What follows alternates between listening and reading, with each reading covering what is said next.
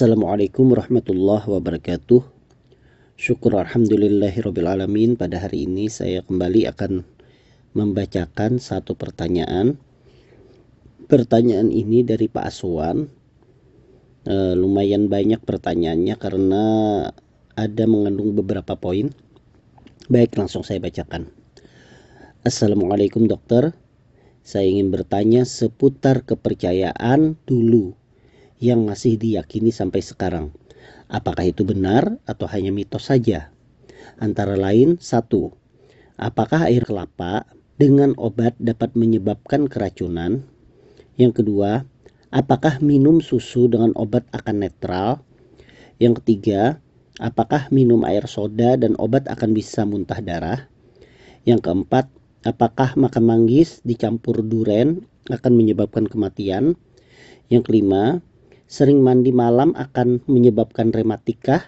Dan yang keenam, penyedap makanan atau bahasa banjarnya vetsin, apakah menyebabkan orang jadi bodoh? Terima kasih atas penjelasannya dok dari Pak Aswan. Baik Pak Aswan, ada enam pertanyaan, mudah-mudahan saya bisa jawab dengan ringkas, cepat, agar tidak terlalu lama jawaban saya ini. Pertanyaan pertama yaitu apakah minum air kelapa dengan obat dapat menyebabkan keracunan? Ya, seperti kita ketahui bersama, khususnya orang Banjar, kebanyakan orang itu akan melarang minum air nyur atau air kelapa setelah mengonsumsi obat. Alasannya adalah obat yang diminum itu akan bereaksi dengan air kelapa dan akan menyebabkan keracunan, bahkan kematian. Nah, benarkah hal tersebut? E, ternyata jawabannya itu tidak betul. Air kelapa itu memiliki banyak manfaat untuk tubuh, tetapi tidak bisa menetralkan fungsi obat. Mengonsumsi air kelapa dalam jumlah yang cukup tetap memberikan rasa aman dan nyaman bagi tubuh. Namun yang perlu diperhatikan, air kelapa itu memiliki kadar kalium yang tinggi. Apa itu kalium? Kalium itu adalah elektrolit di dalam tubuh yang membantu fungsi metabolisme yang ada di dalam tubuh. Sehingga tentunya air kelapa itu tidak boleh digunakan bersama obat yang menaikkan kadar kalium di dalam tubuh. Antara lain obatnya seperti spironolakton. Biasanya itu diberikan oleh dokter-dokter jantung pada pasien gagal jantung. Kemudian obat darah tinggi yaitu golongan S inhibitor seperti captopril, lisinopril, ramipril dan sebagainya. Dan digoxin. Digoxin ini juga obat untuk mengatur irama jantung. Nah, penggunaan obat-obat tersebut misalnya obat spironolakton dan air kelapa atau air nyur tersebut dapat menyebabkan hiperkalemia atau kadar kalium di dalam darah yang tinggi yang bisa berpotensi fatal. Sehingga sebaiknya itu dihindari. Kemudian tingginya kalium menyebabkan orang dengan penyakit gagal ginjal juga dapat berbahaya sehingga sebaiknya dihindari mengonsumsi air kelapa pada penderita gagal ginjal atau penyakit ginjal kronik.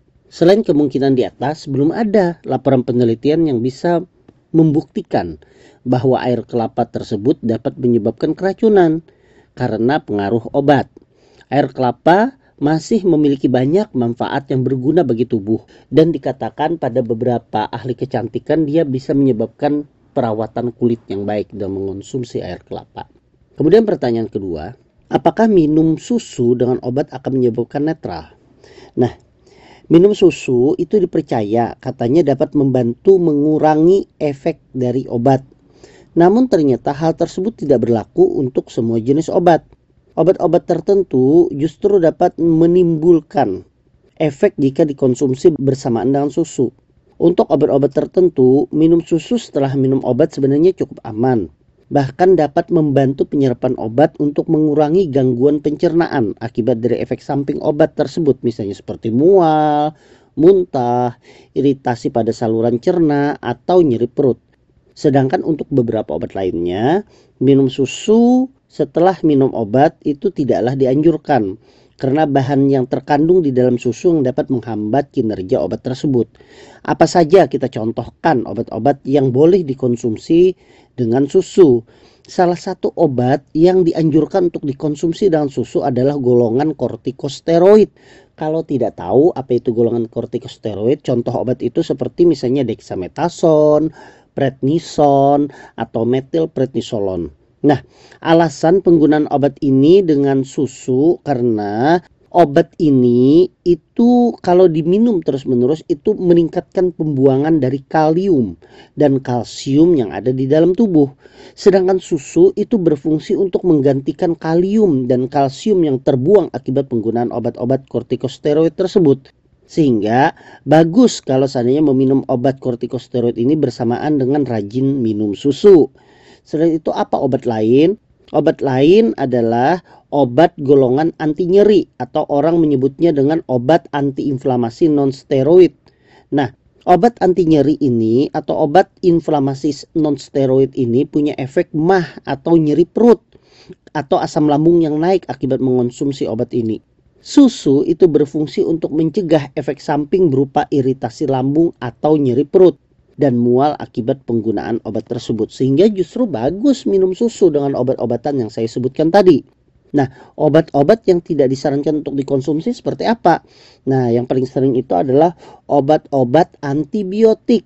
Misalnya golongannya adalah golongan quinolon seperti ciprofloxacin, levofloxacin, moxifloxacin, dan sebagainya. Dan antibiotik golongan tetrasiklin itu tidak disarankan untuk dikonsumsi bersamaan dengan susu. Kenapa? Karena diketahui bahwa kalsium di dalam susu itu mengikat zat aktif di dalam obat antibiotik sehingga tidak dapat diserap oleh usus. Akibatnya kerja obat menjadi tidak maksimal. Obat anti kanker pun atau obat suplemen zat besi itu juga e, tidak disarankan untuk dikonsumsi bersamaan dengan susu karena kandungan susu yang dapat mengganggu kerja kedua obat tersebut. Sama seperti antibiotik, mengonsumsi susu itu berpotensi besar membuat obat anti kanker dan obat suplemen zat besi itu tidak berfungsi secara maksimal. Baik, kemudian kita baca pertanyaan ketiga. Apakah minum air soda dan obat itu akan bisa menyebabkan muntah darah? Ini uh, bagus ya pertanyaannya karena sering sekali ditanyakan di praktek saya. Baik, minuman bersoda itu mempunyai efek gelembung di dalam air. Jadi air yang dikonsumsi itu membentuk gelembung-gelembung berkarbonasi. Nah, proses tersebut akan membentuk asam di dalam lambung sehingga inilah yang harus diwaspadai saat meminum soda. Sebab asam itu dapat merusak lapisan beberapa tablet yang dirancang secara khusus untuk mengatur pelepasan kandungan di dalam perut di obat tersebut. Jadi singkatnya, hal tersebut dapat membuat obat menjadi kurang efektif jika diminum bersama dengan air soda jika obat tersebut mempunyai lapisan khusus yang tidak tahan terhadap asam. Selain itu, perlu diketahui bahwa minuman bersoda juga berpotensi menimbulkan risiko jika dikonsumsi dengan obat anti nyeri apa obat anti nyeri misalnya seperti asam mefenamat, ibuprofen, meloxicam, piroxicam. Nah, itu punya itu adalah disebut dengan obat-obat anti nyeri. Dia bisa meningkatkan peradangan asam lambung obat tersebut. Dan bila dikonsumsi dengan soda, dia dapat meningkatkan kadar asam lambung sehingga bisa menyebabkan serangan mah bahkan luka lambung. Nah, ini yang sering disebut bisa menyebabkan muntah darah sehingga berhati-hati minum air soda dengan obat-obat anti nyeri tersebut. Walaupun saya garis bawahi bahwa secara umum sebenarnya tidak ada masalah dan aman mengonsumsi obat-obatan dengan air soda. Kemudian pertanyaan yang keempat, apakah makan manggis dicampur dengan duren akan menyebabkan kematian? Oke, baik. Uh, sampai sekarang itu belum ada laporan orang yang mengonsumsi manggis dan durian secara bersamaan itu menyebabkan kematian. Namun ada beberapa laporan efek kurang baik jika mengonsumsi manggis dan durian secara bersamaan. Antara lain ada laporan bahwa orang yang mengonsumsi durian dan manggis secara bersamaan itu dapat menyebabkan sembelit. Hal ini terkait karena proses pengembangan kotoran di usus akibat mengonsumsi kedua buah buah tersebut. Manggis dan durian juga dikatakan memiliki kadar kalori yang tinggi sehingga jika dikonsumsi secara bersamaan tanpa kontrol kalori yang benar, itu akan menyebabkan kadar gula dalam darah meningkat tajam, khususnya pada penderita kencing manis. Dan ini tentunya akan berbahaya. Sehingga saran saya itu tetap bijak dalam mengonsumsi kedua buah buah-buahan tersebut. Walaupun sebenarnya tidak menyebabkan kematian seperti yang dikatakan oleh orang-orang. Baik, kemudian pertanyaan yang keempat. Sering mandi malam apakah akan terkena rematik? Nah, pertanyaan kelima ini memang beberapa orang amat yakin bahwa mandi malam bisa menyebabkan terkena rematik atau penyakit rematik. Sebenarnya menurut saya kita tidak perlu takut untuk mandi malam. Sebab memang tidak ada hubungan antara penyakit rematik dengan mandi malam. Penyakit rematik seperti saya saya jelaskan di podcast sebelumnya itu adalah penyakit radang sendi. Nah, disebabkan karena apa? Disebabkan karena pengapuran, bisa karena penumpukan kristal urat di sendi dan penyakit autoimun yang menyebabkan sendi menjadi meradang. Hal ini ditandai dengan gejala seperti bengkak di bagian sendi, nyeri sendi hingga kekakuan sendi. Pada kondisi penyakit rematik karena autoimun tidak disebabkan karena kebiasaan mandi, begitu juga karena asam urat ataupun karena pengapuran. Ada banyak faktor yang menyebabkan misalnya kelainan autoimun, salah satunya karena faktor genetik. Hanya saja bagi yang memiliki penyakit rematik, ya jadi orang yang sudah penyakit memiliki penyakit rematik. Sebaiknya mandi malam dengan air dingin itu dihindari karena bisa memicu keluhan nyeri. Ada baiknya sebaiknya kalaupun mandi malam itu menggunakan air hangat agar keluhan nyeri tersebut tidak muncul. Nah, jadi tidak ada hubungan ya antara mandi malam dengan rematik. Kemudian pertanyaan yang keenam, ya ini pertanyaan terakhir.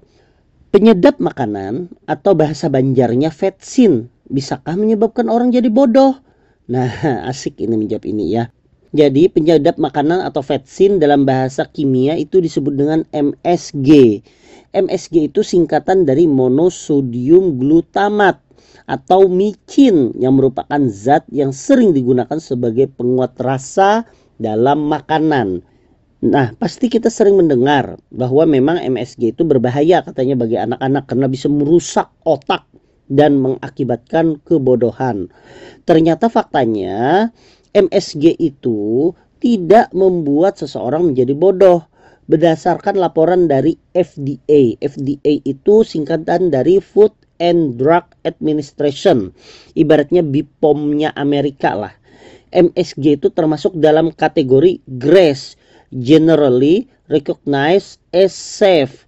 Artinya dengan kata lain dia aman untuk dikonsumsi.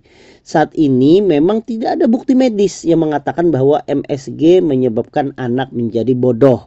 Jadi itu hanya mitos saja, tidak betul bahwa MSG itu menyebabkan anak menjadi bodoh. Namun yang perlu diperhatikan bahwa konsumsilah MSG dalam batas yang normal dan tidak berlebihan. Apa efek sampingnya jika kita mengonsumsi MSG dalam jumlah yang berlebihan, antara lain mual, muntah, hingga sakit kepala. Karena kita ketahui bersama bahwa MSG itu tadi singkatan dari monosodium glutamat. Sodium itu adalah natrium. Dia tinggi kadar natriumnya. Kalau kita konsumsi secara berlebihan, tentunya dia akan menyerap air dan menyebabkan orang menjadi tekanan darah tinggi sehingga tekanan darah yang tinggi menyebabkan orang menjadi tidak nyaman. Demikian jawaban dari saya, cukup panjang saya menjelaskannya karena ada beberapa pertanyaan. Semoga ini bermanfaat bagi kita semua dan juga ini bisa menjawab penasaran dari Pak Aswan dan juga ini bisa bermanfaat bagi jemaah yang mendengarkan penjelasan dari saya. Saya tutup dengan ucapan terima kasih. Wassalamualaikum warahmatullahi wabarakatuh.